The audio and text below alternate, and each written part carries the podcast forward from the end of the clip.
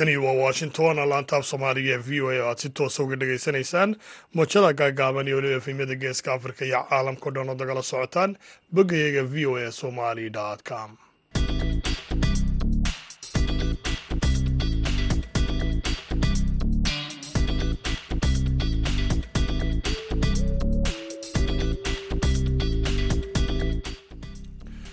duhur wanaagsan dhammaantiinma dhegaystayaal meel kastoo aad joogtaanba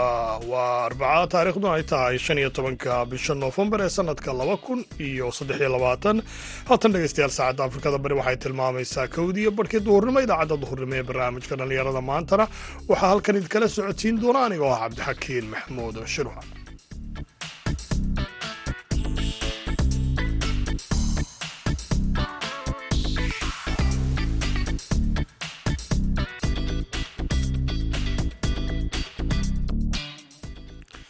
qodobada dhegeystayaal aad ku maqli doontaan idaacadda duhurnimona waxaa ka mid a madaxweynihii hore puntland cabdiwaali cali gaas oo ku baaqay in puntland ay ka dhacdo doorasho la isla ogol yahay marka anigu waxaan jeclaan lahaa marka in la wada fadhiisto miiska la isugu yimaado kabacdina doorasho la isla ogol yahay oo dadku raalli ka wada yihiin oo aan shiddo keenaynin oo gacanka hadal keenaynin ilaa aadaan ku tirinayna waxaa kaloo dhegeysan doontaan gabadha dhallinyaro ah oo magaalada boosaaso ku soo bandhigtay buug ay ka qortay jacaylka iyo weliba qodobo kale oo kaalmii heesu ay ka mid yihiin. Hase yeeshee marka hore ku soo dhowaada qodobadii wararka adduunka ugu waaweynah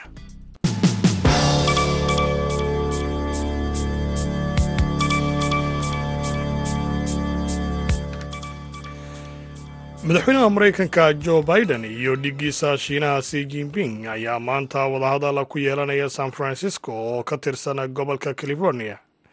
Waxyaabaha ugu muhiimsana kulankaasi ayaa in dib u soo celinta dariiqyadii wadahadalka ee u dhexeeyey militariga labadan wadan ee dhanka dhaqaalaha ugu horreeya dunida shiinaha ayaa jaray hanaankaasi lagu wada xidhiidhi jiray bishii agost ee sannadkii laba kun iyo labaiyo labaatankii markii nancy belosi oo ahayd afhayeenkii aqalka hoose baarlamaanka maraykanku ay booqasho ku tagtay taiwan oo ah jasiirad si iskeeda isku maamusha balse shiinuhu u yaqaano inuu ka tirsan yahay dhulkooda xidhiirka u dhexeeya maraykanka iyo shiinaha ayaa sii xumaaday bishii februari kadib markii madaxweyne jo biden uu amray in la soo rido biibiile ama buufin hanaana basaasnimoa shiinuhu u soo diray kaasoo dul heehaabayay hawada sare ee waddanka maraykanka. Ciidamada israa'el ayaa maanta galay cusbitaalka ugu weyn ee qasax islamarkaana sida dad goobjoogayaali ay sheegeen baadhitaan ku sameeyey qolalka iyo weliba qaybaha hoose ee cusbitaalka tallaabadan oo soo afjaraysa go'doona dareenka dunida kiciya kadib waxaa israa'iil ugu yeedhay. Iska horimaad halis ah oo ka dhacay iridaha cusbitaalka. Cusbitaalka al-shifa oo ku yaalla magaalada qasax ayaa noqday bartilmaameedka ugu weyn ee howlgalka dhinaca dhulka ee ay wadaan ciidamada israa'iil kaasoo ay sheegeen in xamaas ay ku leedahay xarun u furan goda dhulka hoostiisa ka qodan. Arrintaasoo xamaas iyagu dhinaceeda iska fogeysay. Doctor axmed al muhalili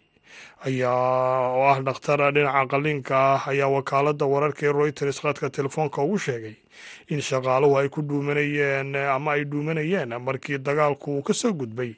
bannaanka cusbitaalka habeen badhkii dhegeystayaal qodobadii wararka adduunka ugu waaweynah waa naga intaa haatanna u diyaar garooba qaybaha dambe idaacadda duhurnimo ee barnaamijka dhallinyarada maanta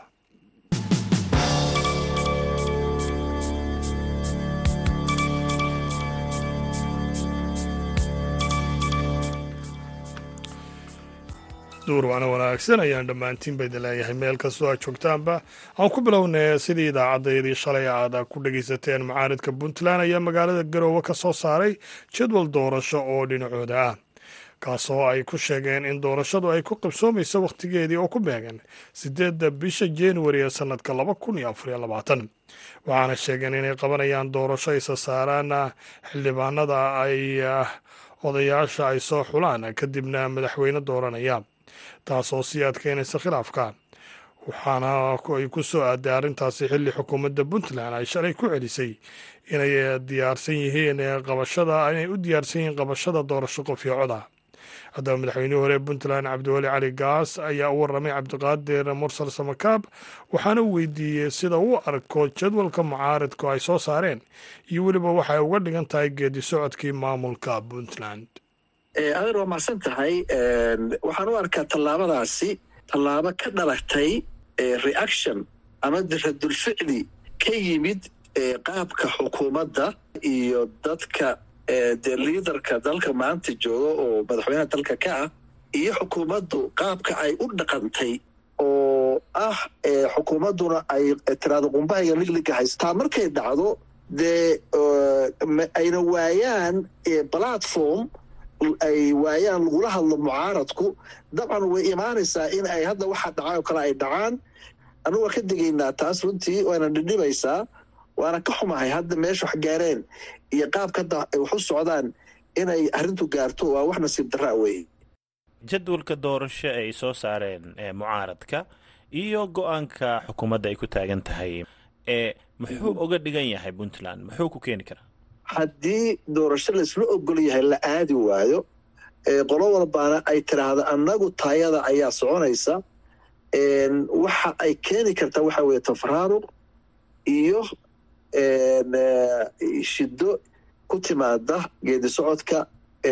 dowladnimada iyo mataqaanaa puntland ku timaaday noqonaysaa god forbid ilaahay hanaga hayeena aan ka baqayno marka dambe de inay isu bedesho gacanka hadal iyo dagaal marka taasi looga baaqsado weeye sababta aan u leeyahay waa in mucaaradkii iyo xukuumaddu ay wada fadhiistaan. Kabacdina la gaaraa qofna wuxuu doono ma samayn karo qofna suu doon uma dhaqmi karo qofna waxa uu rabo kulligeed ma wada heli karo. Marka ani waxaan ku talinayaa marka in caqligu taliyo mataqaanaa loona naxo dadka masaakiinta ah ee puntland dhowrka milyan oo puntland ku nool in masiirkooda la eego iyo mataqaanaa ayaga dantooda la eego. Ayaa anugu ku talinayaa dhibna aan la keenin xasilo darana dhulkaas laga ilaaliyo. Mataqaanaa dee mucaaradka iyo dowladduna ay wada fadhiistaan kabacdina ay wax laisla ogol yahay ay ku heshiiyaan adiga hadda waxaa tahay oday puntland soo maamulay madaxweyne ka noqday ee la socday xaaladaha iyo xiliyadan oo kale marka la soo gaaro. Marka maxaa la gudboon dhinacyada mucaaradka iyo xukuumadda intaba si looga gudbo ismarwaagan muddada dheer soo taagan? Anigu waxaan odhanaya walaalow horta midada daabkeeda madaxweynaha haya isaga ayaana softland wax la yidhaahdo u samayn kara. Isaga arrinta dejin kara isaga ayaana jud u bixin kara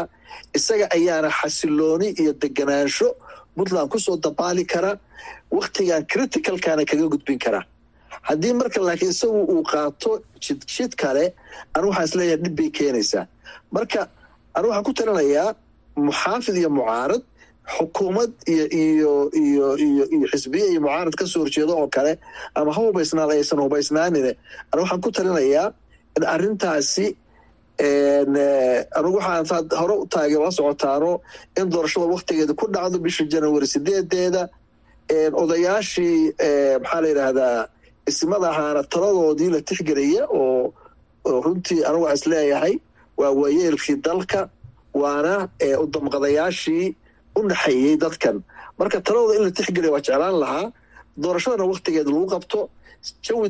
deganaashana lagu qabto. Sababta waxaa weeye haddii dhibi dhacdo cid kali eed ma yeelanayse eedda waa la wada qaadi doonaa. Weliba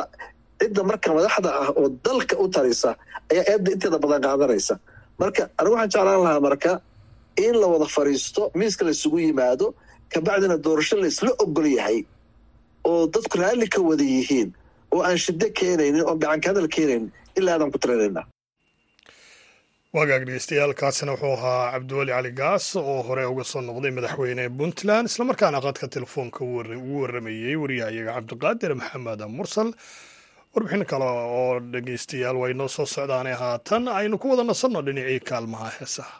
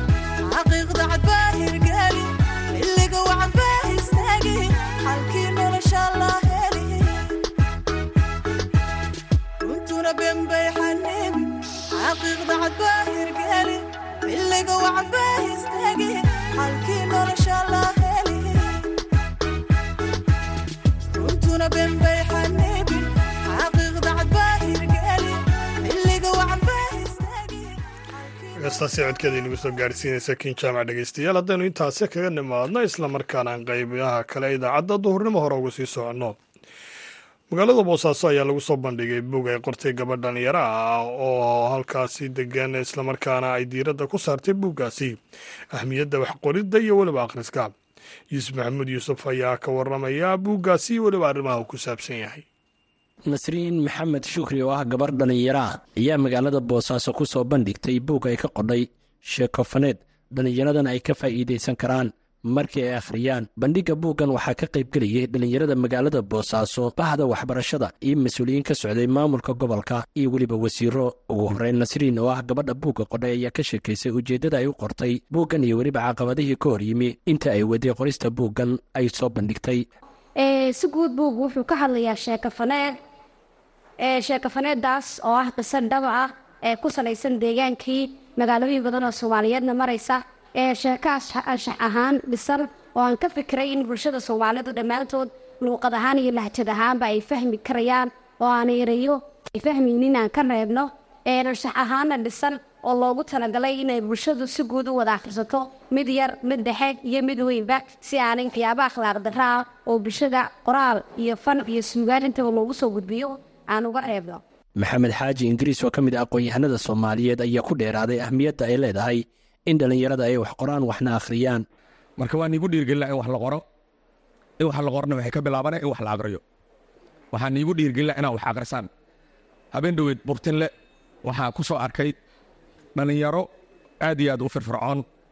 aad iyo aad u dadaalayso. Waxa ay ku guulaysteenna tahay inay public library furtaan ayaga. Duqa magaalada intay ka codsadeen bugaag inay dhigaan inay kaar bixiyaan sidii yurub iyo america ku naqaane. Qofka library tagaya inuu kaar haysto librarygaas bugna kaga qaato anna waxaan ku soo deeqa labaatan bug toban bug oo cilmiga development sida bulshooyinka iyo loo horumariyo qaar tanzania laga qoray meel kala duwan laga qoray. Iyo toban b d f ah tobankaas b d f iyo in badanba haddaa caawa la furayo library ama lagu dhawaaqayo sidii oo kale aan rabaa inaan qayb ka noqdo oo ugu deeqo boosaas waxaa kaloo ka mid intaa ii dheer in la aqriya ayadana tahay bugaagta laga qorayo soomaaliya oo gaaladu qorayso waa bugaag noocee ay qorayaan inaa ogaatiinna way tahay ayada waddankaa dhex joogtiin maxaa dibadda dadka jooga oo ajnabigii ahaa oo soomaali darsooy ay qorayaan ayagana kuwaasna inaan ku soo deeqaan jeclaan lahaa dhinaca kale qaar ka mid a dhallinyarada magaalada boosaaso maamulayaasha jaamacadaha iyo iskuullada ee ka qayb geliyey bandhigga buuggan ayaa iyagana ka dareen celiyey sidan gabadha dhallinyarada ay ugu dhiiratay qorista buuggan waxayna sheegeen inay uga mahadcelinayaan doorka ay qaadatay. Caawa reer boosaaso boqol buug waa lagu yartaa waan is leeyahay oo waxaan ogahay dadka boosaaso jooga inay aada wax u akhriyaan aadna wax u qoraan. Balse aanu xoogaa aanu caajis caajiskii ugu badan yahay aadaan kalluunka u cunno. Marka kalluunka wuxuu u keenay inaan ordada qodsano taasaa keentay marka inaanan waxa weeye rayada buugta hooseeyo waxaan rajaynayaa inta wixii ka dambeeya aan ka soo gudin doono waxaan qaadanaynaa golaha guddoonka iyo loo fadhiyo golaha shan buug oo qaataan xildhibaanada golaha deegaanka hadda waa laga helayaa madasha kuwo waxa weeye qalbiga ka dareemayo qof aan la ogeyn oo jacaylkiisa ka dareemay marka jacaylka wax noocaas ah waa wax cajiib ah runtii waxa weeye qofkii garanaya garanaya waxa amarkiisa qofkii ehelkiisa jacayl wax wax laga weydiin karaa. Qofkii ehelkiisa marka nasriin waxaan filaya inay ehelkiisa tahayo caawa buuggaana inoo reebtay. Aynu akhrin doono wax badanna ka faa'iidi doono yacni waxay ku tusinaysaa yani waxay ka hadlaysaa jacaylka. Yani qofka markaa buugga aad dhuutid nuxurkiisa wuxuu ku tusinayaa jacaylka. Marka caawo waxaan halkan iskugu nimi munaasabadan yani meel waxaa la yidhi ho u baahan hada wax kaba taro. Dhammaantiin waxay u baahan nahay inaynu buugta gadanno. Ugu dambeyntii gudoomiye ku-xigeenka degmada boosaaso bashiir faarax gudoomiye ku-xigeenka gobolka bari maxamed dalmar bile wasiir dowlaha wasaaradda maaliyadda puntland cabdirasaaq sheekh aduun wasiirka dekedaha puntland axmed yaasiin ayaa docdooda dhallinyarada magaalada boosaaso ugu yeeray inay wax ka qoraan arrimaha bulshada ayna sameeyaan cilmi baarisyo kala duwan. Codkii sixirkan kole hadda fahanna codka sixirka wuxuu yahay waa codka dhigaha hal marka halka mar ku soo dhacayo dib loo waayo waaye. Marka waa soo dhoweynaynaa nasriin caawa waxaa tahay boqoradda boosaaso u kala xiran tahay. Ama bar yaroo ama bar waxa weye qof qiimo leh baa tahay. Qiimahaagna waa soo bandhigta aad iyo aad baanu kugu mahadcelinaynaa waanu ku soo dhoweynaynaa boosaaso dafa ku soo dhowo waanu ku mar labaad. Waxaan leeyahay akhriska kobciyaa maskaxda. For long time in laga joogo labaatan sano ka hor aniga waxaa suxufi wax qoraan weliba waxaan u qabasaanja ku soo galay dhammaan beeska sheekooyinka jacayl ayaan ku soo galay. Inta badan buugta waa akhriyaa ilaa sannadkii soo dhaafayay boqolaal buug oo kala duwan ayaan akhriyey marka qofka duwan wax akhriyo waxaa kobcaya garaadka maskaxdiisa iyo aqoontiisa. Waxaa laga yaaba weligaa tegin dhaqamaana weligaa arag inaad ka dhexesho buugtaasi. Waxaan is leeyahay runtii aad iyo aad baan ugu mahad celinayaa runtii. Dhanka dhirin dhiranaanta inuu qofku hal abuur sameeyo oo wax qoro waxay qayb ka tahay hayaanka dheer ee noloshiisa inuu gaaro guulo isdaba jooga. Waayo qofku marka uu yukaanti mar walba uu ku jiro waxaan waa samayn kartaa waxa uu helayaa jaanisya uu kaga duwan yahay bulshada la loolamaysa ama koriinka kula jirta. Qof walba xayndaab ku jiraa marxalad buu ku jiraa lad iyo garayd uu la koray buu leeyahay waxna la bartay horumarkana kula loolamahayo. Marka qofku marka uu hindisa sameeyo ama qoraal ha noqdo bandhig buug ama xafladuu dad isugu keenayo oo aragti iyo hal abuur ku soo bandhigayo waa waxyaabaha keena qofka inuu noqdo qof dhiiran. Yuusuf maxamuud v o e boosaaso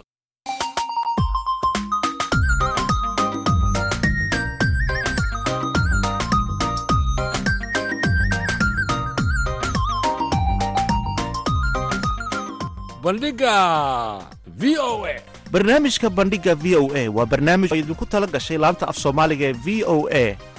Bandhigga v o e waxaad khamiis walba kaga bogan kartaa qormooyin kala duwan oo la xidhiidha taariikhda iyo aqoonta guud dhaqaalaha sharciga iyo samafalka.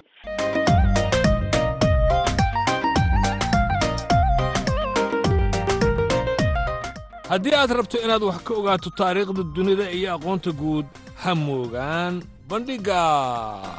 v o e bandhigga v o e kala soco laanta af soomaaliga ee v o e maalin kasta oo khamiis ah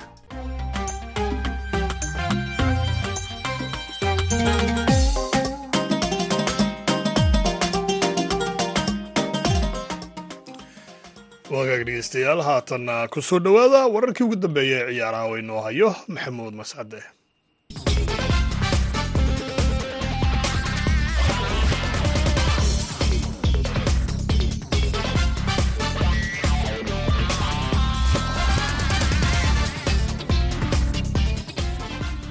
wanaagsan dhegeystayaal dhammaantiinba kuna soo dhowaada xubinta ciyaaraha. Aan ku bilaabay ee koobka kubadda cagta adduunka ee sanadka labada kun lix iyo labaatanka ayaa wadajir waxaa u martigelinaya waddamada maraykanka kanada iyo mexico. Sirareebkiisa ayaana haatan qaaradaha qaarkood ka bilowday. Wadamada latin america laysku yidhaahdo ayaa iyagu horeba u sii bilaabay kulamada israreeb waxaana dal waliba ilaahay haatan ciyaaray min afar kulan iyadoo maalmaha soo aadanna ay min laba kulan ciyaari doonaan laakiin qaaradda afrika ayaa iyadu bilaabaysa israreebka koobka kubadda cagta adduunka ee sanadka labada kun lix iyo labaatanka. Afrika oo koobkan ay awal markii horeba ku matali jirtay shan dal ayaa haatan waxaa ku matalaysa sagaal dal. Sagaal guruub ayaana loo qeybiyey dhammaanba konton iyo afarta dal ee qaaradda afrika oo israreebkan ka qaybgelaya sagaalka guruub ayaa guruub walibaahi waxa uu ka kooban yahay lix dal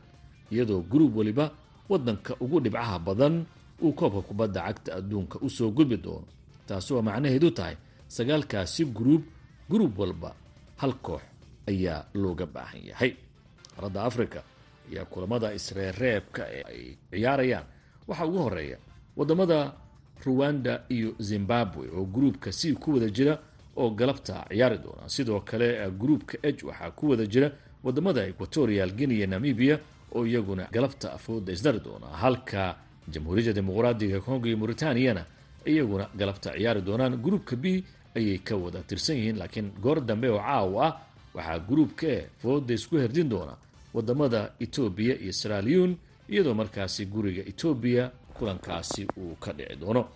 Habeen dambe iyo beri galab ayaase kulamo xiise badan ay dhici doonaan oo weliba taageerayaasha soomaalidu ay isha si weyn ugu hayn doonaan waddamada jibuuti iyo masar ayaa ku ciyaari doona wadanka masar beri galab. Halka soomaaliya iyo algeriyana ay fooda isdari doonaan. Xidigaha soomaaliya ayaa hirdin doona xidigo caankaha qaaradda yurub oo warkacayo ciyaaryahan riyaad mahares haddaba la arki doona haddii soomaaliya ay wax fursada ka heli karto kulankaasi ugu yaraan haddii ay barbaro ka keeni karto ayay u arkaan taageerayaasha soomaalidu in ay natiijo wanaagsan noqon karto iska badaa taasi haddii tiro yar oo goola lagaga badiyo ayay dadka qaar u arkaan inay soomaaliya wax weyn u noqon karto. Waaga dhegeystayaal xubintaana ciyaarintan ku soo gabagabeynaa tana kulan dambe waa mascadoodu ku dhaafaya sidaa iyo nabadgelyo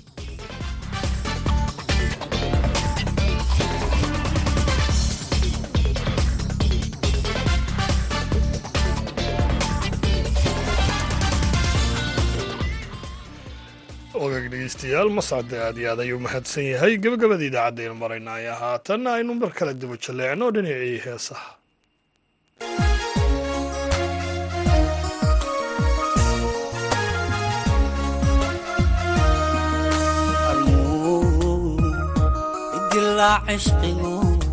armuudii hal jacayl naftayda duugaashada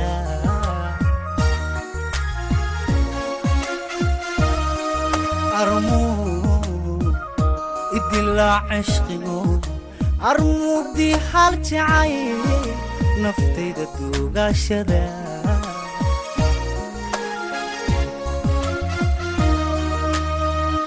Hadduu cilmi duugta dhigay arnu anaygu daraa qabrigay daadaxshayo diiwaanka diiwaanka armaangala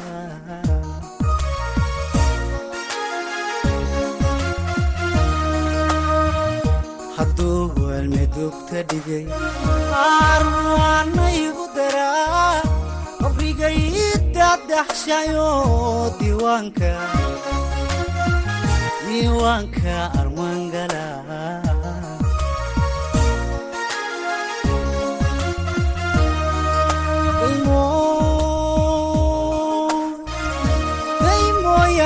anigoo ku jecel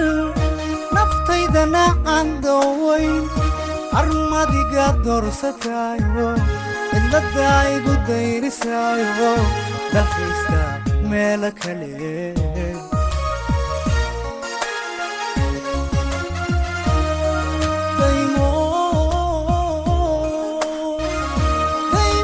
Anigoo ku jecel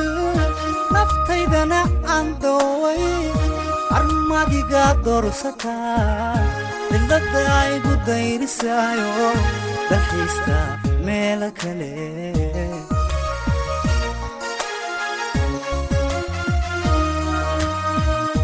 Danteenna adahayo taladaan ku daynayaa ado adooy dirnaxaya qalbiga raxmadigato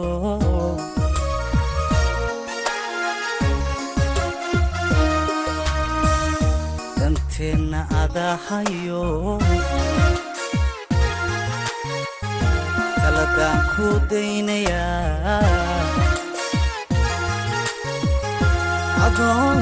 dirnaxaya qalbiga raxmadigato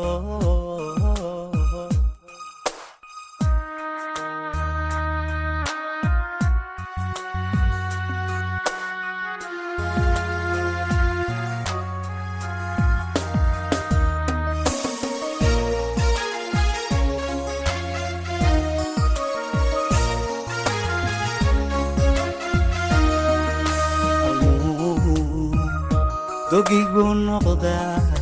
inaan dooriga mudnayn armay dantu caawisaa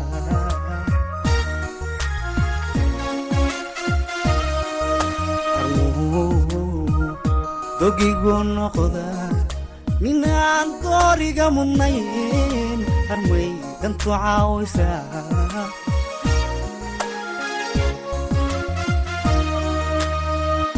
hadday markii dunta loogu xidhay armaad adnadaanada docdaada ka yeelataa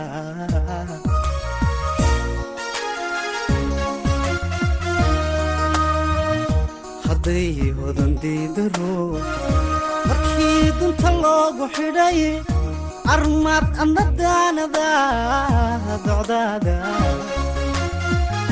docdaada ka yeelataa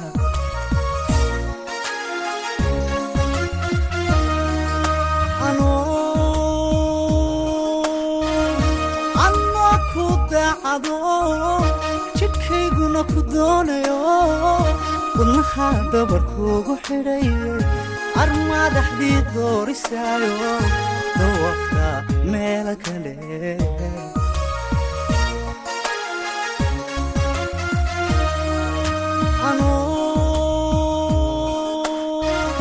Anoo ku daacado